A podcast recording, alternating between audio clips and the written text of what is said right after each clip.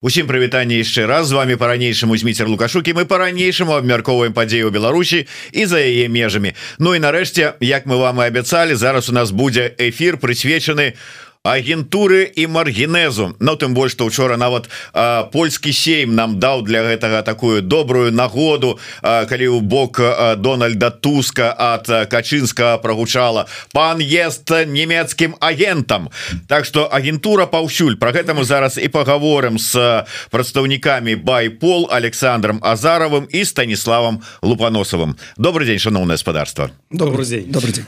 Я пачну ведаеце з такого может быть агульна агульнага пытання у тым сэнсе что калі у праз пэўны час пасля того як узнік гэты ну скажем так скандал у байполе калі пачаліся нейкія супярэчнасці спрэчки развал расколы все астатняе умешалася тихохановская пачаліся нейкія размовы спробы такое медиацыі і у мяне склалася ўражанне что была дасягнутая нейкая дамоўленасць что мы как бы расходимся кожны робіць сваю справу один у бок другога а нічога там не кажем і как бы так не плюемся у, у просто кажучы.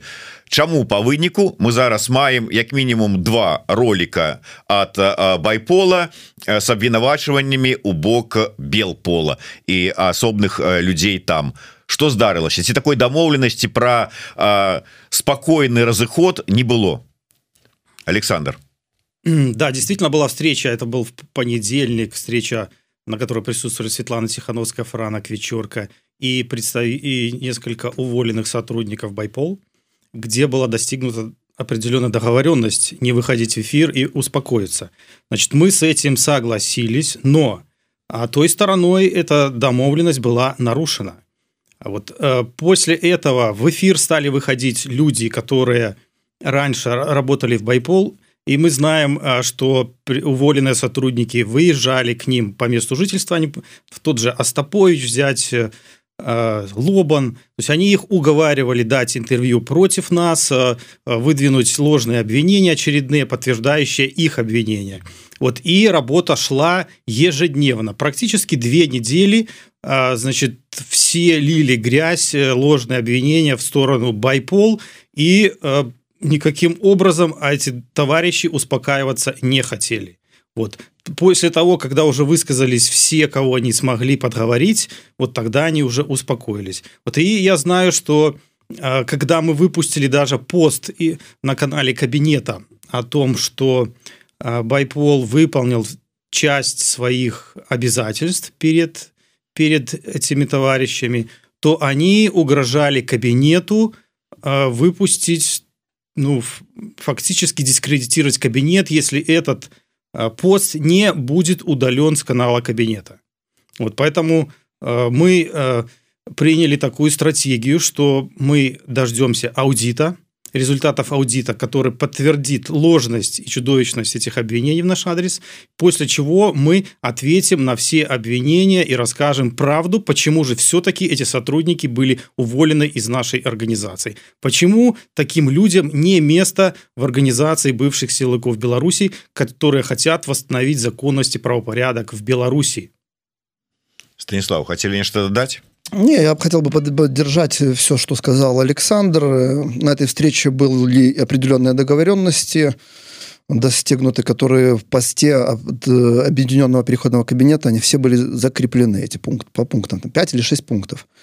Мы эти пункты все выполнили и придерживались их, потому что ну, мы привыкли исполнять закон, мы знаем, что такое закон. Опыт нам об этом говорит, что нужно следовать закону, чтобы Э, так скажем, действовать в правовом поле. Александр вось дарэчы ёсць пытанне ад гледача Макссім і сапраўды вы зараз сказали про тое что но ну, ваши былыя коллеги пачалі там ліць бруд на вас абвінавачваць камперметаваць і гэтак далей гэтак далей. І вот пытаются А чаму просто было не пайсці ў суд а потым усім рассказывать хто агент хто не агент? Ну сапраўды мы знаходзімся зараз сапраўды у прававой дзяржаве. Калі ёсць паклёп то калі ёсць э, склад злачынства Як вы кажаце да праваахоўнікі Чаму не падаць у суд Чаму вот устраивать гэтыя ютубныя разборки Вообще мы обратились не в суд, а в польскую полицию с заявлениями о преступлениях, совершенных данными товарищами. И сейчас идет а, расследование уголовных дел. А, значит, нам об этом запрещено говорить польской полиции, поскольку это тайное следствие. Мы можем только сообщать о том, что следствие идет, и все на этом. А результаты будут оглашать, видимо, польская сторона, либо она нам даст разрешение огласить результаты этих расследований. Вот поэтому мы действуем в рамках правового поля. Почему а, мы сейчас это сообщаем? А, значит, мы отвечаем на те вопросы белорусов, которые, а, которые поступили в наш адрес, начиная с начала июня месяца, с момента вот этой созданной ситуации. Мы на, на эти вопросы не отвечали, и белорусы нам писали о том, что раз вы не отвечаете, значит, вам есть что скрывать, и значит, вам нечего ответить на все вот эти обвинения, и, соответственно, вы их признаете. Мы это не признаем, и поэтому мы сейчас отвечаем. Значит, по поводу агентуры, также в наш адрес э, есть претензия о том, что мы знаем информацию об агентуре, к примеру, в рядах определенных организаций, и эту информацию скрываем умышленно и не доводим до белорусов, не предупреждаем. Вот это та же самая Сазанович, к примеру, говорит. Поэтому мы, имея информацию, ее сообщили. Мы не, мы не называем персональных данных лиц, поскольку это запрещено польским правом. Мы предупредили белорусов, пускай они принимают решение работать с ними и не работать. Это будет риск э, того, кто принял такое решение. До речи, э, тут вот э, адразу шмат пытанняў але давайте вот по гэтай ситуации ўжо калі мы прыйшлі до да конкретных все ж таки абвінавачванняў недавно прогучаўшы абвінавачванне с той же самой от сазанович про тое что азараў і кампанія не схавалі інфармацыю ці неправільна подалі інфармацыю ці нічога не зрабілі с інфармацыяй наконт агента губазіка у чорнай там это самое чорной кнігі Беларусі там ці ці дзе там это было ўсё як было? Хто что схаваў может рассказать поскольку он был первым раз человеком который с этим столкнулся. Давай, давайте с самого початку. Я до этого часу не могу разобраться хто ж все ж таки гэтага агента вылечыў і ці якім чынам ён прокалоўся як усё было? От кого пайшла першая информация что что-то тут этот человек мутненький какой-то впервые такая информация, вернее, не информация, а подозрения возникли в ЧКБ, да, и они обратились к нам. С ЧКБ, а именно с Яниной Сазанович, плотную общался наш сотрудник, уволенный, это Матвей Купрейчик, да.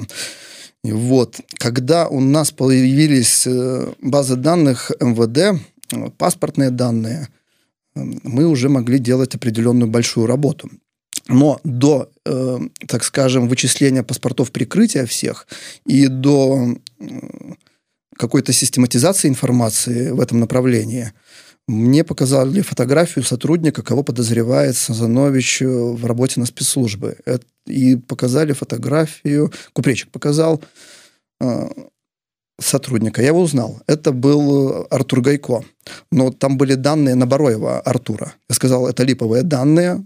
Это 100% сотрудник третьего управления Бедункевича, именно отдела компьютерной разведки. Почему я это знаю? Потому что я, когда работал в ГУБОПе, видел этого сотрудника. Он новый пришел в ГУБОП. Я пришел примерно в июле, он тоже пришел где-то в августе месяце перевелся с Витебского управления ГУБОПа. И он, он специалист в компьютерной разведке. Его назначили на эту должность. И я его видел пару раз в ГУБОПе. Он, они базировались на первом этаже, а я находился на третьем этаже. И один раз он заходил к нашему начальнику, пытался устроить свою супругу в стоматологическую поликлинику на работу вот. Дарэчы станіслав вот пишутць хуткі смоў смоўш піша ха-ха-ха сазанович яго прывяла а вінаваты азараў дарэчы хто яго прывёў у чорную кнігу Беларусі бо там казалі про яна казала про франыка там ці яшчэ про некага ці ўсё ж таки азараў яго прывёў ці хто? Адкуль он узяўся? Мы вообще да ЧКБ не имеем никакого отношения. Да мы оказывали какую-то помощь минимальную скажем так. и Э, но всеми работами занималась, я так понимаю, Янина Сазанович. Она же была должностным лицом, была главным редактором. И, соответственно, у нее какие-то права обязанности тоже были. Где, ну вы коли э, гэтую справу э, пачалі уже как бы так сказать распрацоўваць вам же стало цікава якім чынам ён там з'явіўся? Хто яго туды ці ён сам как-то пронік ці его кто-то порекомендаваў ёсць подставы обвінавачваць того ж самого франыка что ён как бы там ведаючы не ведаючы по неда не недомыслію все ж таки яго туды пристроіў Я думаю франок даже не имеет э, не общего представления что такой человек там был изначально Я думаю даже такие люди уверены что через франока не проходили именно персональные данные. Вообще мы пытались выяснить у Сазанович изначально откуда взялся этот Артур. И насколько я помню она поясняла что ей его посоветовал кто-то из ОСТ. Вот. И, а, значит, но она его взяла в организацию, она его не проверила, она его дала доступы определенные, благодаря которым в Беларуси были произведены аресты. Вот мы, э, Сазанович, предупреждали об этих арестах. Изначально мы не знали, какой доступ э, имел этот товарищ. Мы его установили, его личность, сообщили Сазанович. Вот, и мы договорились, у нас был созвон, на, созвоне договорились, что мы выпускаем расследование насчет э, того, что это сотрудник ГУБОПИКа, и они также выпускают свое расследование.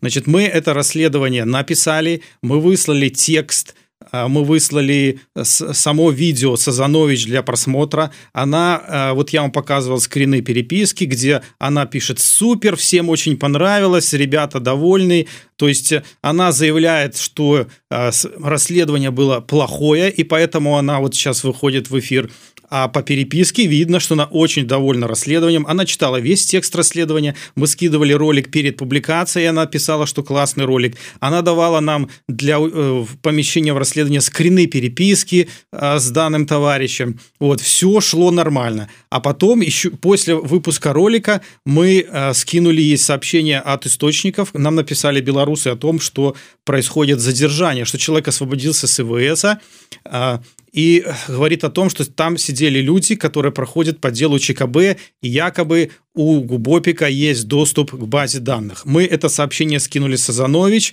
и, а, значит, говорим, вот смотри, а, она говорит, ой, это Артур, наверное, все слил, вот. И это было в июле 21 года. И почему-то Сазанович год молчала и только в 22 году начала об этом говорить и обвинять других людей. Франок Вечерка, к примеру, вообще там нигде не проходил, и мы понятия не имели, что он имел какое-то отношение к этой ЧКБ. Франок Вечерка появился только недавно. Вот тогда шла речь, она обвиняла своих работников, а, там, то этот там познакомил, то этот, значит, все виноваты, кроме нее. Она руководитель, она дает доступы. Я ж не думаю, что кто-то дал без ее ведома или, ну, это доступ этому человеку. Доступ давала она, она принимала все решения, но почему-то все сейчас виноваты, кроме нее. Я еще хотел добавить, э, в свое время, когда я приехал сюда, в Польшу, сразу из Беларуси, на меня вышли люди с ЧКБ и захотели мне помочь разобраться с тем массивом данных, которых я вывез из Беларуси. И мне с офиса НАУ, э, такой уже известный человек, бывший член Белого легиона, а может нынешний, Максим Лорченко, дал поговорить с э, Артуром Гайко. Я поговорил по телеграмму с Артуром Гайко, и сказал, конечно, никому какие данные я не дам, мы будем сами все этим заниматься, наша команда будет сама это делать. И на следующий день э, мне позвонил мой начальник. Они еще не знали, что я нахожусь в Польше, где бы то... Они думали, что в Беларуси. Я был в отпуске официально. И спросил, где ты находишься? Я сказал, я в Украине нахожусь. Он говорит, ни в коем случае не присоединяйся к белорусским демократическим силам. Я говорю, конечно, не буду. Я, ну, но я все равно молчать тоже не буду. Я так ему дал понять, что я уже настроен решительно своему начальнику. Начальника, конечно, потом уволили. Э, всех повольняли из моего отдела, кто со мной был, кроме одного человека. Вот. Но был зафиксирован факт, факт разговора, и на следующий день к моим родителям пришли уже с обыском. Они уже знали, что я нахожусь в Польше. Это было 16 декабря 2020 года. Э, так, ну вот Франок говорит появился недавно. Франок был всегда он можно сказать вечный. И ввогуле инфопоинт та структура Ну як сцвярджаюць у якую у склад якой уваходзіў ЧКБ і падпарадковаўся дарэчы вот глядач под нікам бад бэдгерл піша Азараў хлусіць гайко прывёў чалавек Франака Даніла нейкі там быў там нейкі Даніла? Ці не был надо спрашивать у Сазанович мы не знаем кто его привел Это вопросы Сазановича, а не наши.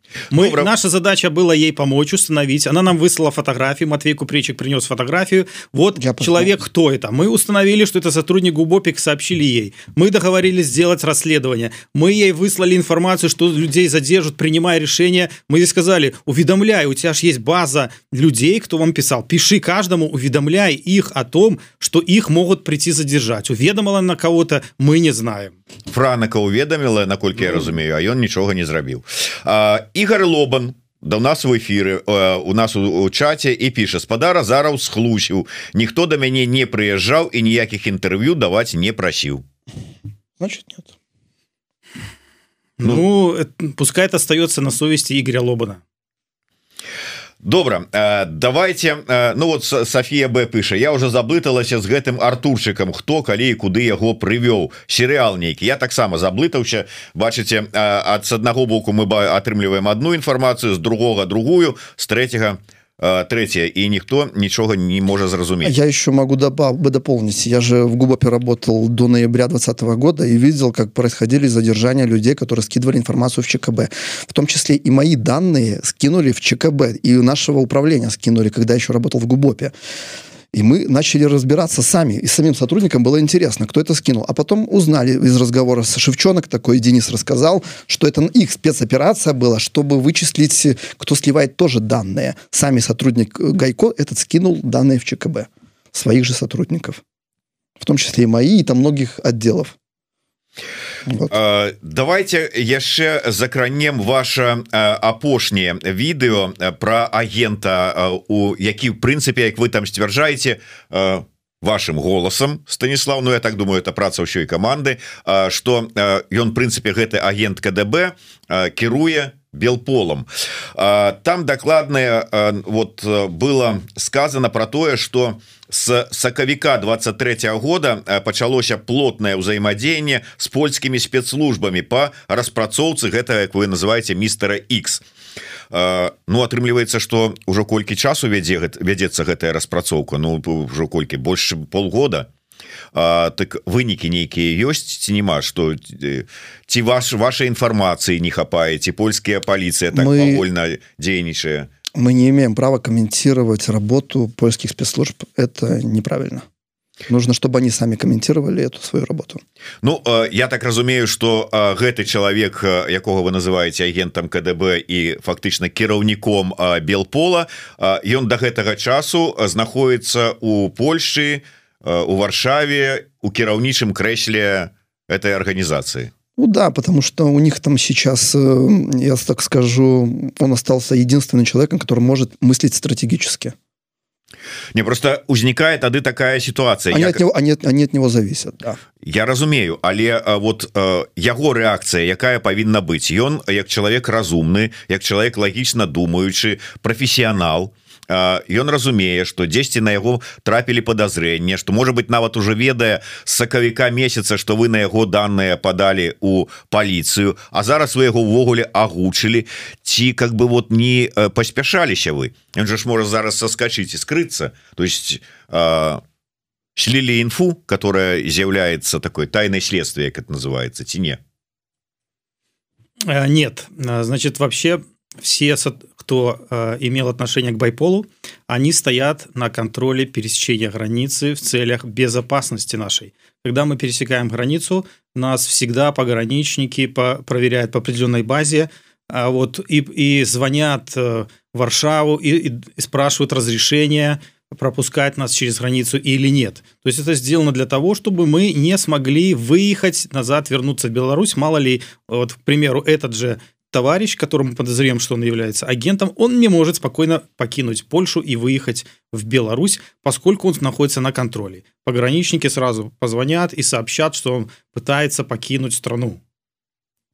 Вот и тут нужно понимать взаимоотношения нас с правоохранительными структурами зарубежных государств. Мы не являемся партнерами в плане такой же самой службы, как они. Вот они не имеют права, согласно законодательству, обсуждать с нами служебные вопросы, результаты расследований, проверок и так далее. То есть мы информацию им можем передать, а каким образом они с ней распоряжаются и что они по ней делают, этого они нам не могут сообщить. Тым не менш Ну я так думаю что может быть звычайный человек там можа і не але люди научаныя те ж самые там КДБшники по тых звестках нават не вы не агучылі імя вы там не агучылі ніякіх конкретных звестак але нават по тым что было сказано что ён уже как бы человек ва ўзросце что ён спачатку выезжаў у Грузію сям'ёй гэтак далей. Яны-то вылечыць хто гэта то есть для іх это будзе не сакрэтам калі ўжо так вы фактычна ну как бы ситуация калі там не сакрэт гэта імя для спецслужб то чаму не агучыць зараз гучна что вот гэта гэты чалавек? Потому что нельзя нарушать законодательство. Пока нет конкретных доказательств его сотрудничестве с белорусской стороной нету документального подтверждения тогда его никто не может привлечь к этому скажем так это же правовое государство. Мы живем в правом государстве. Тут никто на подозрениях задерживать не будет. Тут надо материальные доказательства. і ўсё ж таки вот мне не дае спакою гэта пытанне что ці не паспяшаліся вы якая была патрэба у выкладанні гэтага ролики гэтай інфармацыі менавіта цяпер Вообще информация нами была проанализирована как раз в момент конфликта, который возник в июне месяце. И прошло уже полгода. И говорить о том, что мы э, поспешались, ну, полгода прошло. Мы собирали информацию, анализировали ее, общались с людьми. Вот. И результат нашей работы – этот ролик. Мы предупреждаем белорусов, мы видим, чем стала заниматься эта организация а, – и это вот как раз ответ на их работу по дискредитации на нас, э, по, по дискредитации э, значит, того, чем мы занимаемся. Если просмотреть последнее интервью Жигоря Купрейчика, э, у них идет такой нарратив, что Белпол является правоприемником Байпол. То есть раньше был Байпол, они сменили название, стали Белпол и все. То есть кто мы? Мы вообще никто по, по их нарративу.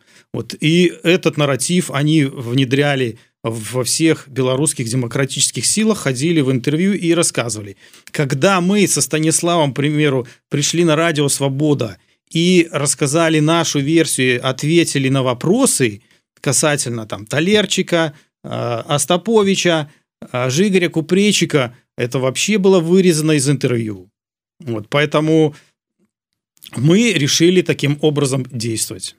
Мы вернемся яшчэ до гэтага пытання тым больш что как бы выразаць у нас а, зараз не будзе ніякай магчымасць нават калі бы захацелі тому что прамы эфир але а, я вярнуся до гэтага пытання просто завершым можа быть гэтую тэму а, прогучалі словы у ролике про тое что вось гэты мистер X еще падчас супрацы с байполом выйшаў до вас такой ініцыятывай сарганізаваць спецаперацыю з дапамогай дронаў дальняй дальняга дзеяння здзейсніць атаку на лукашенко яго паплечнікаў падчас параду 9 траўня. У меня адразу такое узнікла подозрение А что у вас есть дроны далёкага радиуса дзеяння Ну не будешь с пустого места. Я ж не скажу э, давай э, вот своему гукооператору давай мы будем вещать зараз на Марс калі у нас няма такой магчымасти мы не можем рассказывать э, значит то чем мы владеем и какие технические средства у нас есть. Вот. Но данный товарищ нам предлагал конкретно провести такую спецоперацию результатом которой могло быть выдворение сотрудников байпол в Беларусь и, возможно, не только сотрудников Байпол, объединенного переходного кабинета, в котором я в то время находился, а также офиса Светланы Тихановской. То есть это была, а, по нашему мнению, спецоперация, задуманная по дискредитации и фактическому, наверное, уничтожению белорусских демократических сил за границей. Слухайте Ну але ж вы кажаце про неабходнасць стварэння партызанскага руху у, Беларусі про тое что трэба ўсё ж таки ну неяк так распрацоўваць схемы метады сілавога может быть звяржэння лукашэнкаўскага режима Ну ці не одно і тое ж гэта в прынцыпе Нет, это не одно и то же. Тут надо входить э, и смотреть на международное законодательство. Что позволяет оно делать, а что не позволяет. Мы находимся на территории Польши. Мы здесь этого делать не можем. То, что планировал делать э, мистер X, это нарушение закона конкретно этой страны. И это за это сразу предусмотрена ответственность. То же самое нельзя делать и в Литве. А вот с тех территорий, которые пострадали от вторжения, э, та же Украина, вполне возможно. Но с разрешения украинских властей. А, и кроме Те того... Не за им вы зараз туда ездили. Значит, смотрите, мы выступаем за создание национального освободительного движения. Вот и как раз а, при создании национального освободительного движения белорусские партизаны становятся участниками национально-освободительного движения. А это значит, что они приравниваются в правах с комбатантами и защищаются международным гуманитарным правом. То есть их нельзя расстреливать, убивать, э, пытать и, и всячески нарушать их права. Они защищаются международным законом. Вот поэтому мы как раз готовим участников национально-освободительного движения и считаем, что сейчас как раз очень важно э, создать национально-освободительное движение, объявить об этом. Я выступал э, в Объединенном переходном кабинете с такой идеей. Э, вот пока, пока в принципе, никто не решился объявлять данное движение. А, яшчэ вот мяне цікавіць вы пастаянна Ну я зараз поддаўшыся вашаму э, уплыву называў гэта містера іксам э, кіраўніком белпола. А адкуль у вас такія звесткі что менавіта кіраўнік белпола? Ну ёжа ж там ўсё ж таки людзі якія і стваралі нібыта вот гэтую арганізацыю после сыхода с байпола. А, там купрэйчык той же самы Астапович там іншыя. А, а гэты вот мистер X вот чаму вы вырашылі Вообще, ён кіраўнік? мы наблюдали поведение их. А мистер Икс как раз приходил тоже на переговоры а, со Светланой Тихановской, и мы видели, как, он, как к нему относились Купречик Жигорев.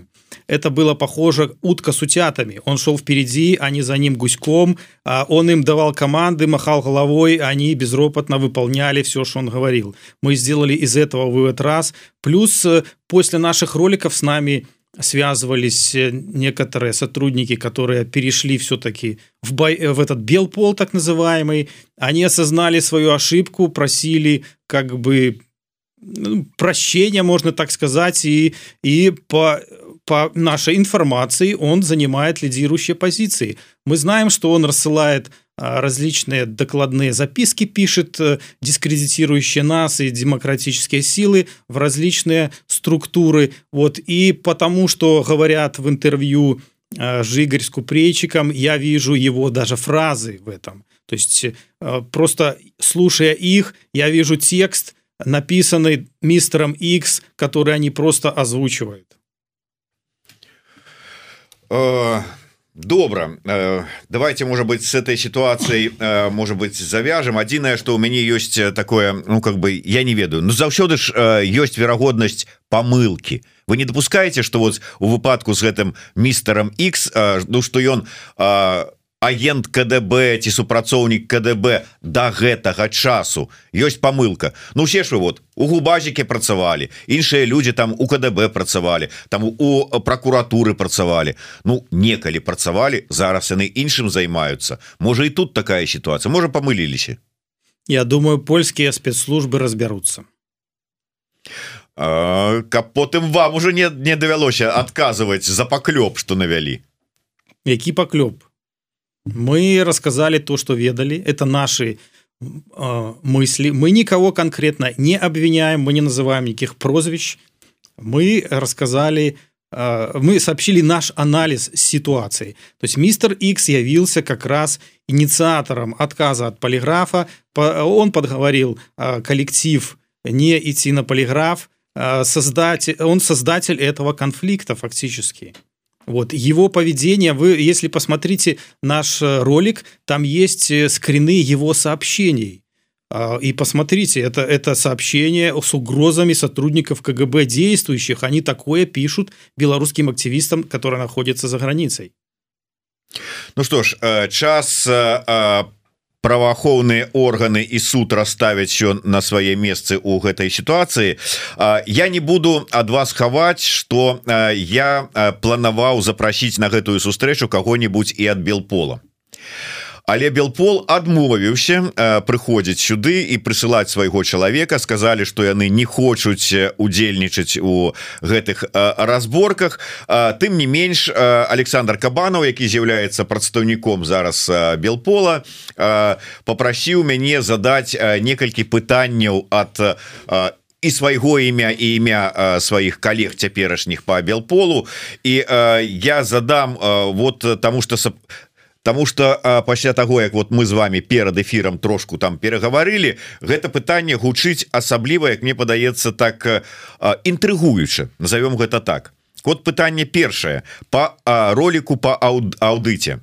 Пытанне ад іх. Я цытую так як было написано якая была неабходнасць у правядзенні аўдыта калі адкалоўшаяся частка байпол на гэтым не настойвала і толькі прасіла паказаць ім фінансавыя дакументы арганізацыі? Можа варта было урэгуляваць гэтае рознагалосся таким чынам? Так вот як же що ж таки на аўдыце настойвалі просили показать документы а вы не показали там ці як это было? Если вспомните публикацию кабинета после встречи нас и уволенных сотрудников Светланы Тихановской Франок Вечерка там были перечислены конкретные договоренности которые были достигнуты. И была в том числе прохождение аудита то есть обсуждался вопрос, что делать с их претензиями, и в результате все вместе согласились пройти, что, что мы пройдем аудит. И кроме того, не просто пройдем аудит, а Франк Вечерка также предложил компанию, которую ему посоветовали для прохождения аудита. Вот и в том числе мы и та сторона не сказали, мы не против этой компании, чтобы она проводила аудит. А финансовые документы, вы видели ролик про нашего агента, вы посмотрите, там написано. Значит, как мы можем предоставлять документы тем людям, которых мы подозреваем в совершении преступлений, различных правонарушений, а также в сотрудничестве со спецслужбами. То есть вы э, документы... То есть вы хотели, чтобы, ну, ре, реально мы приняли решение, мы это говорили уже много раз со Станиславом, как учредители организации, что финансовые документы секретные, где есть секретная информация, благодаря которой люди могут пострадать, которые у нас работают, с которыми мы взаимодействуем, не могут попасть в руки э, таких людей. Что значит, вот я, я показывал вам перед эфиром их сообщение. Значит, у них в сообщениях было написано выслать выслать э, требования, выслать все финансовые документы, кадровые документы, грантовые документы, выписки по счетам, э, все договора э, трудовые, договора гражданские с момента открытия организации выслать на почты Купрейчика и Жигаря. С То есть, года. С, с момента регистрации организации. То есть они просили, чтобы я а, все кадровые документы, всю бухгалтерию отснял, скопировал и выслал им на почту. Как такое возможно?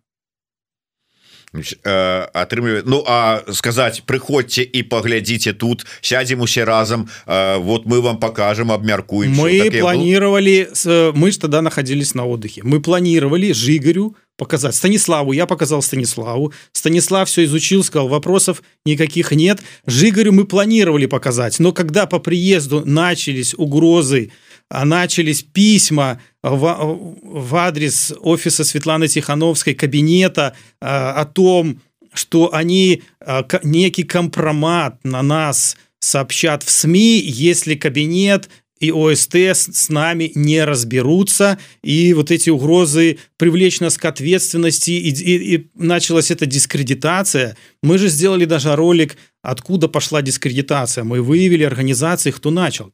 То есть как только были уволены эти сотрудники, через, по-моему, 6 часов сразу э, объединенный штаб сопротивления Это канал такой созданный созданный ну это под под командованием Обозова значит э, этот канал стал сразу выпускать дискредитирующие посты ложные. То есть мы только уволили людей. Об этом никто не знал. Значит и тут канал сразу начинает в ночью работать. Мы вечером увольняем людей ночью там в три часа или в 4 начинаются публикации которые ну посмотрите наш ролик. Да я глядзеў И, ваш да, ролик. Там Балкунец, Сыхович- Сы- Цыпкало и там и все остальные. Ну, э, А, Водители канал захвачены Губопиком. У нас есть информация, сотрудник Бушила, пятое управление Губопика, третий отдел. Он лично имеет доступ к каналу водителей. Э, Когда были задержаны осенью 2020 года администраторы Бушила получил доступ к каналам. Вот и этот канал также участвовал в нашей дискредитации. Александр Ну вот вы ў гэтым ролику які я таксама глядзеў не называете імёну і не подводзіце до такой высновы. Ну але чалавек які ў прынцыпе хоть троху лагічнага мыслення мае ў галаве разумее что то есть вы намекаете на тое что калі вот так вот всю эту лагічную э, ланцужок этот раскручиваете адкуль пошло дзе пошло як і что что атрымліваецца а, і- і кім курыруюцца гэтыя каналы А это спецслужбы як беларускія так і расійскія то атрымліваецца что вы намекаете на то что тыя людзі якія сышлі э, байпола яны агенты Мы не намекаем. Мы доводим до людей информацию, а выводы люди де- должны делать сами. То есть добра тады э, я э, как бы вы, вы вымушаете раней мяне прыйсці до этой тэмы что э, там выразалі Як вы кажаце с э, вашага інтэрв'ю что вы там сказали на адрес былых э, коллег і того ж самага талерчыка что как бы вот не трапіла в эфир якія былі там ваши словы Ну, к примеру, мы рассказали про Остаповича. Реально, почему он был уволен. А сейчас он в интервью ему задают такие вопросы, и он говорит, что это слишком длинная история, ему некогда рассказывать, не хватит одного эфира. Вот мы рассказали также, э, нас, нам задавали вопрос, почему к ним присоединились вот Остапович, к примеру. Вот, и мы дали ответ на этот вопрос. Ну дайте отказ Остапович был уволен в феврале 21 года в Байполе. Значит, претензии, э, которые ему высказал весь коллектив, не только Азаров, там Лупоносов, как э, в том числе Купрейчик и Талерчик. В том числе, да, все данные товарищи. Значит, первое. э, Остапович врал во всех интервью историю своего побега из Беларуси. Мы проанализировали его все интервью, и там три версии он озвучивает в разных интервью. Значит, первая версия, что он переходил пешком а в каких-то там твердоступах, которые мы дали контрабандисты. А У него была бутылка Кока-Колы, может, это реклама, и Сникерс, не знаю. Значит, в следующем интервью он рассказывает, что его перевозили на машине.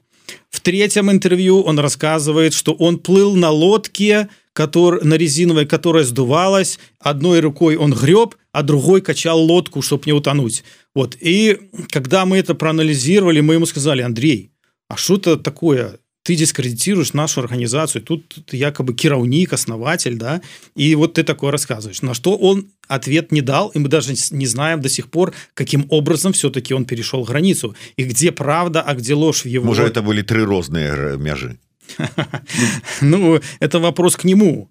Вот, а, значит, э, это первое. Второе, э, его работа. Он не хотел ничего делать. Он только хотел давать интервью. Он ходил по интервью, он пропадал, а где он был, никто не знал. По несколько дней его не было, он не снимал трубки, потом появлялся. Где ты был, не скажу, не, молчит. А, Значит, третья подстава с расследованием а, Бондаренки. Значит, он сказал, что это будет расследование моей жизни, я его сам лично напишу, никто не вмешивается. Мы говорим, хорошо. Он связывался с родственниками а, Бондаренко там, и получил определенную информацию и писал расследование. Значит, э, и в интервью говорит, в среду выйдет расследование журналистам. Мы, Андрей, а ты написал что-нибудь? Да, почти все в среду будет. Наступает среда, ничего не выходит, никакого расследования. Мы говорим, Андрей, ты нас подставил перед журналистами, а ты обещал публично, что в среду выйдет расследование. Мы его даже не видели. Вот. А, на что он тоже не может ничего пояснить. Тогда я сказал, окей, мы пишем сами. Я распределил между всеми сотрудниками работу, каждому дал свой кусок, мы все сели вместе, написали и сделали расследование в виде статьи и опубликовали наше первое расследование. Вот. А, но это, конечно, все цветочки. Почему мы его все-таки уволили? А, Остапович исчез, вообще его не было неделю. А он не, не отзывался, не появлялся. То есть человека, видимо, что-то с психикой, наверное. Ну, я не знаю. Он психологически не не готов, видимо, бороться с режимом Лукашенко. Байпол серьезная организация. Ну, что за люди, когда они а, вот что-то с ним случилось, и он просто пропадает. Мы думали, что он попал в беду, может, его захватили спецслужбы, куда он делся. Стали проверять его по его местонахождению. Смотрим, он в Луде что-то делает. Чего он туда поехал? Значит, неделю его не было. А, Все, мы даже хотели писать заявление в полицию, чтобы его начали разыскивать. А потом через неделю к нам его приводит Евгений Медведев, есть такой товарищ, и говорит, я вам привел вашего начальника, забирайте. Мы говорим, в смысле? Вот Остапович, э, значит, я его привожу, все, давайте забудьте, что его не было неделю, он дальше работает и там вами руководит. Все возмутились, и сказали, что Евгений Медведев и Остапович, до свидания, мы с вами больше никаких дел иметь не будем. И с тех пор Остаповича мы и не видели. Вот это история гражданина Остаповича. И поэтому он об этом не хочет вспоминать ни в каких интервью и нигде рассказывать. Что касается Талерчика, мы же с ним дружили, с Талерчиком лично. Ну, вот я дружил, мы дружили с семьями. Но теперь мы понимаем, когда Талерчик уволился, он сам уволился, пришел, сказал, я пошел, больше не буду к вам ходить. А, я обещаю, что я не дам ни одного дискредитирующего интервью ни в отношении организации, ни в отношении Азарова. Вот. Как только он вышел, сразу нарушил обещание. В парке записал первое видео, где он там дискредитирует план, э, план Пирамога. Вот. А потом пошел в разнос, пошел э, давать интервью направо и налево, а, врать и, и так далее. Значит, у нас есть, вот он э, говорил, к примеру, что, что ему не предоставляли финансовый отчет. Вот. Мы тогда хотели даже Жигоря отправить на интервью, уже, чтобы он разнес Талерчика, рассказал всю правду. Потому что финансовый отчет, э, вообще Талерчик, он не понимает, в польском законодательстве ничего не разбирается. Да? Ну, нужно ему ликбез провести. Он польского языка не знает, он прочитать ничего не может. Вот, и он, э, финансовый отчет. Что такое финансовый отчет? Финансовый отчет составляется бухгалтерией каждой организации польской на следующий год после окончания финансового года до апреля. То есть за предыдущий год. То есть за 22 год финансовый отчет составляет бухгалтерия до апреля 23 и предоставляет его. И не просто предоставляет, а обязанность, то есть не надо его требовать. Они его составляют и отдают э, учредителям и членам правления на подпись мы должны его утвердить. Так вот, в апреле 23-го финансовый отчет был утвержден всеми членами правления, в том числе Жигорем Купрейчиком. Я вам показывал ухвалу, где стоит их подпись. Хотя Это они я... утверждают и Талерчик это, утверждает... Это я перебью, извиняюсь. Это можно посмотреть любой человек, может, у кого есть доступ к реестру польскому, а это любой, у кого есть интернет, может зайти на сайт и посмотреть. У нас там справоздача финансовая в открытом доступе. То есть финансовый отчет, он, он вешается на сайте КРС, Краевый реестр Сундовый, и он там висит. И Балкунец оттуда его скачал, и потом распространил, что он якобы секретные документы где-то нашел. Какие-то каждый любой гражданин может посмотреть. И там же висит эта ухвала об утверждении не членами правления. То есть у них никаких претензий не было, они изучили, все нормально. Вот. И Талерчик, он не понимая вообще, что такое финансовый отчет, он начинает говорить, что ему не предоставляли. Мы по его просьбе в феврале 2, э, какого там, 22 мы ему предоставили все выписки по счетам и с подтверждающими документами. Это не только ему, всем. Это изучили все, ни у кого не было никаких вопросов. Это э, в феврале, значит, выписки и первичные документы. Он все прочитал, записал себе в ежедневник зарплаты, его это очень интересовало почему-то каждого сотрудника. Потом в мае он опять начинает требовать новый финансовый отчет. Мы ему говорим, Олег, 23 э, год, ты его только прочитал, Э, и то это-то тебе сделали, ну, это не предусмотрено никем законодательством, люди специально для тебя сидели, делали. Нужно платить деньги бухгалтера за составление различных документов, вот таких, они берут в районе там 4000 злотых, около 1000 долларов. Вот. А в следующем году, в 23-м, будет составлен финансовый отчет, и ты его изучишь, не только изучишь, ты его должен утвердить. А если ты подпись не поставил, то, значит, мы его не можем принять. Значит, будем разбираться, что тебе там не нравится. Поэтому, Олег, жди 23-го года, и ты все получишь. А он говорит, что ему ничего не предоставляли. И вот, и весь коллектив с этим был согласен, и ему говорил, это не Азаров, а говорил говорили все. А теперь вопрос, почему Талерчик так себя ведет после ухода? Вот. Мы анализировали ситуацию и пришли к такому выводу, но это наше личное мнение, что Талерчик работает на компромате. То есть ну, он выполняет а, определенные условия, которые ставит страна белорусская. А, вопрос связан с его супругой ее работа в Греции с 2005 года. Бедункевич далеко не дурак, вот, чтобы а, не иметь такой информации. Мы достоверно знаем, что в Губопике есть эта информация, а, этот компромат, который не разглашается ни на каких каналах а, Лукашенки либо других там его спецслужб. Эта информация держится в тайне, вот и вознаграждение, какое получил Талерчик за это – продажа квартиры.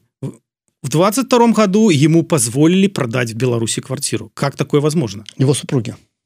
Вот как такое возможно? Все арестовано вплоть до всех родственников, бабушек, дедушек.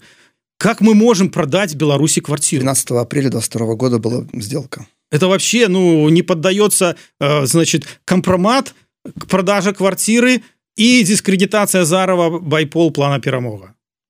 Мы вот делаем такой вывод. Э, это наше мнение. Слухайте ну э, тут атрымліваецца увогуле как бы Астапович ну как бы незразумелая ситуация как бы некіе подозренні талерчик конкретно як вы кажете на компромате ну грубо кажучы супрацоўнічая по ваших словах купрэйчик супрацяговы таксама вы э, целое расследаванне зрабілі. То есть как бы таксама ёсць абвінавачванні ці подозрэнні ці яшчэ что-нибудь то есть вот наколькі то есть атрымліваецца что вот все вакол агенты то і калі ўжо далей ісці калі прыгадываць вот гэтую ваше расследаванне по тым як шло дыскрэдытацыя белпола байпола. То атрымліваецца что варта чакаць зараз таких вось расследаванняў у дачыненні да іншых людзей якія мелі дачыненне да вот гэтага да гэтай як вы кажаце дыскрэдытацыі. То есть зараз там по па кім прайшліся уже ну по талерчыку яшчэ не прайшліся зараз тады і па ім і по балкунцу і по цапкалу по кім там яшчэ чакаць расследаванняў? Хто яшчэ агент? Мы не кажам хто агент. Мы выказываем свои подозранні А хто агент гэта можа толькі подцвердзіць польская сторона польскі бок. Мы не можем рассказать нашу стратегію медійную но следите за нашей повесткой. Подписывайтесь на наши каналы.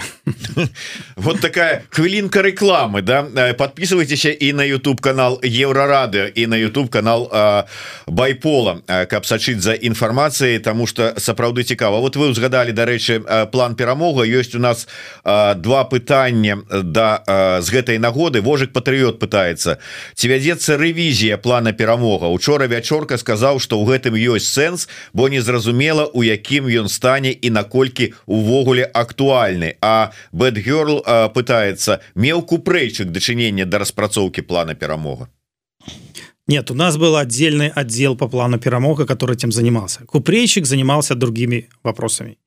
Он занимался медийными вопросами. А, значит, э, сейчас на, на, после э, ситуации с, в июне месяце мы взяли новых сотрудников и с их помощью мы проводим ревизию плана, и я бы даже сказал, что мы его э, перерабатываем с учетом изменившейся ситуации в регионе, как и в Беларуси, так и в России, так и в Украине. То есть мы видим, э, что война в Украине затя... затягивается, когда она закончится, непонятно. В России пока не видно революции или смещения Путина, отстранения его от власти. А в Беларуси э, белорусский народ уже запуган до того, что боится э, разговаривать с друзьями, с коллегами, даже, наверное, с родственниками уже. Вот и создаются, э, как грибы растут, новые спецподразделения по борьбе там, с диверсантами, там, и с, партизанами и так далее. То есть власть э, укрепляется режим Лукашенко укрепляется практически ежедневно. Все деньги бросаются вот на укрепление этого режима. Поэтому мы стали пересматривать многие положения плана. Если раньше мы рассчитывали на, наверное, массовый выход белорусов на улицы, то сейчас мы на это уже вообще не рассчитываем. Мы сейчас рассчитываем только на партизанское движение. И вот в связи с этим мы перерабатываем положение плана. Ну и была у нас ошибка, что у нас фактически все было засекречено, э, и как бы люди э, то, что они не знают, они не могут этому верить. Да, мы ничего не знаем, как мы можем этому доверять. Вот и поэтому мы сейчас принимаем решение, наверное, большую часть опубличить плана. Вот э, то, что не помешает нам реализовать этот план. И мы планируем на эту тему снимать ролики, делать инструкции, доводить до белорусов вот эту информацию. Я э, вярнуся да э, пытання аўдыта э, прынцыпе у мяне было там э, шмат таких удакладняючых пытанняў але вот э, не ведаю ці гэта э, таксама хтосьці з ваших былых супрацоўнікаў э, можа гэта кабанаў тут под э, таким нікам зарэгістраваўся але тым не менш вот э, адразу такая канцэнтраваная э, э, усе пытанні сабраны ў адны у один каментар колькі чалавек праводзілі аўдзіт колькі часу праводзіўся ён чаму данные аўдзіту не публічныя чаму не праводзілі нармальных чаму не праводзіце нармальных расследаванняў як белпол а толькі кляпаеце паклёпы Кстати, насчет нормальных расследований Белпол. Все эти материалы, которые вот вы не выпустили два расследования, по больнице и, и гард-сервис. И гард-сервис. Они были украдены в, э, значит, в нашей организации и были даже записаны. Расследование по больнице, оно было в апреле месяце уже готово. 11 и... апреля уже был рендер первый готов по душу Луки. Да, и мы планировали это выпускать в байполе. Но а, купрейщик э, это все с собой прихватил. Не только каналы и криптокошельки прихватил он, но и материалы наших расследований, которые они сейчас и выпускают. Вот. Это касательно этого. Я По... еще хочу перебить. Там у них на самом деле я нарыл очень много информации, причем атомной информации, компромата на высших должностных лиц, в том числе окружение Шеймана, там очень хорошо раскрыто, скажем так. Если у них хватит мозгов это соединить, то будут классные расследования. Но я думаю, у них этого не получится, к сожалению. Ну калі вы это рабілі і накапывали то зробіце самі чего чакать ад ну, да. яны нет действительно у нас остались хорошие связи с людьми которые умеют тоже добывать такую же информацию похожими способами даже лучше скажем так а, вообще это не только эти расследования, материалы этих расследований, они прихватили, будем так мягко говорить. А там еще есть несколько расследований, мы ожидаем, что они все-таки тоже их выпустят. Расследование, касающееся 38-й бригады ВДВ в Бресте и расследование, касающееся Губопика. Вот посмотрим, выпустят они их или нет. Потому что они были также написаны, и их нужно было просто записать. Вот и эти материалы ушли вместе с ними, с нашей организацией. Значит, по поводу аудита. А, значит, люди не понимают, что такое аудит поскольку э, реально аудит мало кто проводил, и мы особо даже не знаем таких организаций, может, одну знаем, которые реально провели Наши аудит. партнеры есть, которые провели и проводят ежегодно. А, значит, смотрите, аудит он на то и независимый, что я вообще к нему отношения не имею и не могу ничего э, повлиять на этот аудит. Аудит э, назначается надзорчей радой, в которую входят люди, которые не имеют отношения к организации, не, они не работают в организации, не имеют трудовых либо других связей с организацией. Вот вы знаете, что в надзорчую раду входит Кнырович и еще один человек, которая к байполу отношения не имеет. Так вот, их задача выбрать компанию, которая проведет аудит, назначить аудит, проверить результаты аудита и утвердить эти результаты, и эти документы все посылаются также в суд и вешаются на сайте в КРС, как говорится. То есть почему даже я сюда не пришел, да, вот мне тут претензии предъявляли, почему Азаров не пришел докладывать аудит. Во-первых, ну, во-первых, я находился в Украине, так, меня сюда никто не звал, я ни с кем не переписывался на эту тему. А во-вторых, аудит независимый, его, э, его назначала надзорчая рада, и это ее задача рассказать об этом аудите, а не моя задача. Не ко мне эти все вопросы, э, сколько человек там участвовало и, и так далее. Это все вопросы к надзорчей раде ради, а не ко мне.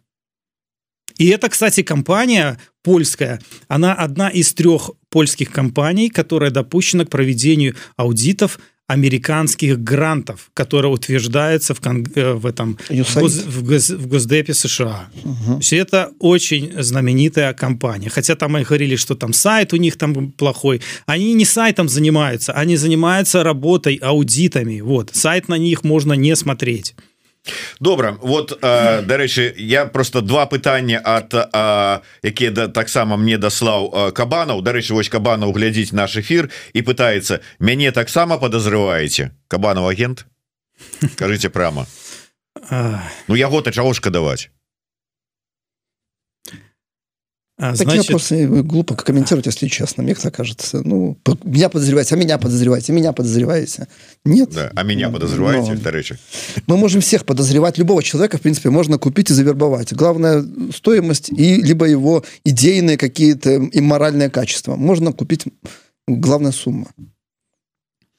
Ладно а, так чаму на назіральную раду при правядзенні аудита не былі уключаныя былыя супрацоўнікі байпол і Александр кнырович заявіў что паміж двумя бакамі байпол был медыятор які узгадняў некаторыя пытанні. Можете назвать гэтага медыятора Так мы про медиатора уже говорили. Это Франок Вечерка, который э, и предложил э, компанию аудиторскую и согласовал ее. То есть оба два баки согласовали эту компанию. А, значит, почему не вошли представители уволенных сотруд... уволенные сотрудники это как раз независимость аудита. То есть туда не должны входить надзорчую раду те кто имеет какое-либо отношение к организации. Тогда это будет уже зависимо если таких людей включить. Поэтому не вошли ни мы никто работает байпол а это были приглашены посторонние люди. И я кстати в координационный совет предлагал им войти. Написал письмо официально на что они отказались и никого не предоставили. Александр кнырович э, вот сам согласился. А, ну э, добра що ж таки э, было я чуў от прадстаўнікоў белпола такая такі каментар что маўляў Ну мы не сумняваліся что аўдыт покажа что гэтыя грошы не раскрадзеныя а былі скарыстаныя на ты ці іншыя патрэбы. Наша было пытанне про тое якая мэтазгоднасць менавіта таких трат. Ну вот напрыклад поехаў азараў сям'ёй на адпачынак ці в Амерыку. Вот чаму вот потратили на гэта А вот мэтазгодна гэта было ці не? Значит я чаму не? Можа азараў под под прыкрытием поехаў там глядзіце на адпачынак ездила моя семья а я ездил в командировку. Значит в, в, во всех организациях польских, по крайней мере, есть двойной э, контроль.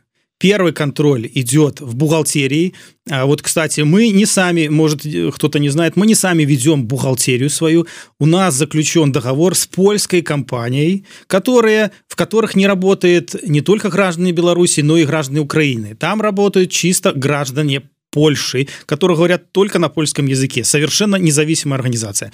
Она принимает все первичные документы и проверяет соответствие их польскому законодательству, а, а также внутренним документам организации. Это устав и политика, э, э, как она, рахунковости по-польски это называется. Вот, это первый э, контроль. Второй контроль – это донор сам. Донор – выдает грант на определенные цели. Там расписаны позиции трат сумм. И а, ты должен тратить только в соответствии с этими позициями. И не просто с этими позициями а также есть еще письменное описание деятельности которую ты ведешь. И это все должно соответственность соответствовать. Мы все документы мы э, предоставляем донору. Мы их сканируем ему отправляем. Также делаем описательный отчет нашей деятельности и финансовый отчет траты их средств. И донор изучает все это а, и он смотрит в соответствии произведены затраты или нет. И если не в соответствии он требует возврата этих денег. Значит мы у нас грант закончился в феврале 23 года. Все документы были предоставлены донорам и в бухгалтерию соответственно. И все утверждено подписано э, и мы благодаря тому что мы тратили в соответствии с тем что нас просил донор а мы про, э, получили новое финансирование у того же донора. Это говорит о том что их все устраивает. Они изучают все первичные документы изучает все что там написано и сверяется всеми своими документами. То есть люди ну это э, это европейская структура уважаемая и ну которую многие знают Дякую вялікі. На жаль трэба завершаць наш эфир хоць пытанняў яшчэ шмат. Ну але ў любым выпадку я так разумею что пытанне про тое ці магчыма ізноўку уз'яднанне і аб'яднанне Ну яно будзе глупым пасля того ўсяго что мы пачулі і тых подазрэнняў якія ёсць як і с аднаго боку так і з другого боку. Ну будем спадзявацца что ўсё ж таки справе гэта Ну не нашкодзіць надта моцна. Тым не менш подписывайтеся на YouTube канал байпола каб атрымліваць ад іх новое расследаванне я таксама параю подписываться і на YouTube канал бел пола каб глядзець і з другого боку атрымліваць інфармацыю Ну і безумоўна YouTube канал еврорадыо не забывайте подписываться кому гэта бяспечна каб не пропустить наши стрымы эфиры націскайте на звоночек покидайте каментары тым больш что сёння а 17 по варшаве 19 по мінску у нас у эфиры Вадим прокоп'яў долучайтеся жыве Беларусь жыве Thank you.